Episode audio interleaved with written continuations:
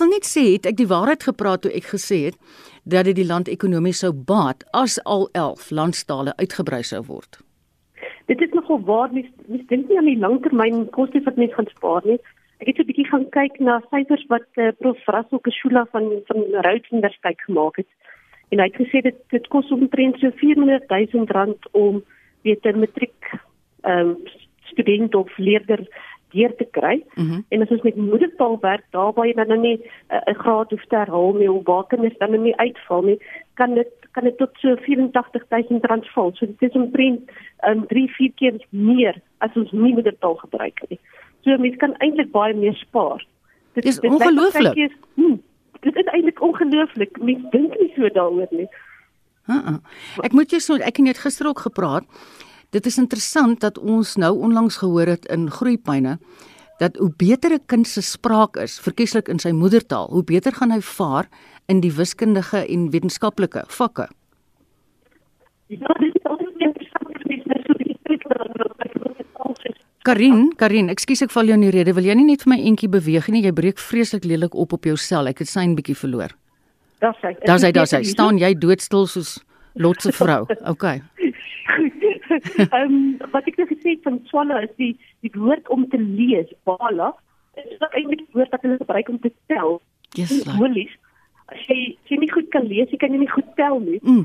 En as jy in in byvoorbeeld in die Afrika tale leer om te tel, leer jy sommer terselfdertyd basiese wiskunde ook. Ongelooflik.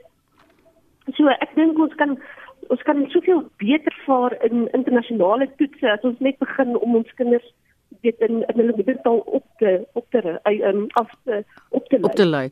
In ons ja. land kom moedertaalonderrig al hoe meer in die gedrang.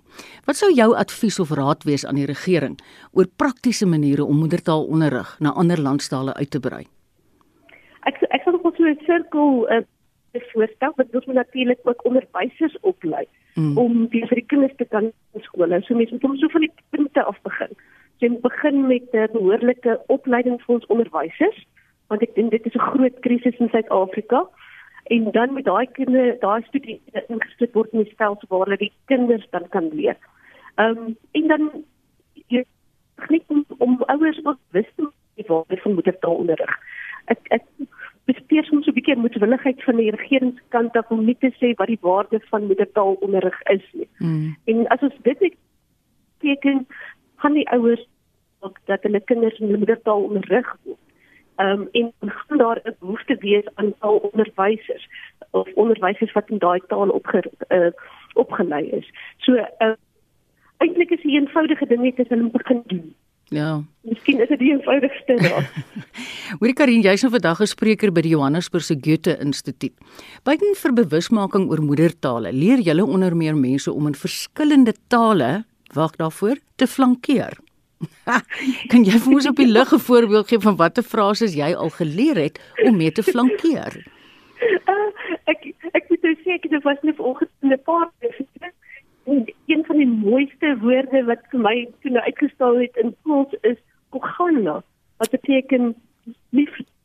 Oor regtig in Pools? Ja, kogana beteken liefling, maar wat baie is so troetelnampie, Japka en dit beteken padda. So jy kan jou geliefde ook my oupa sien.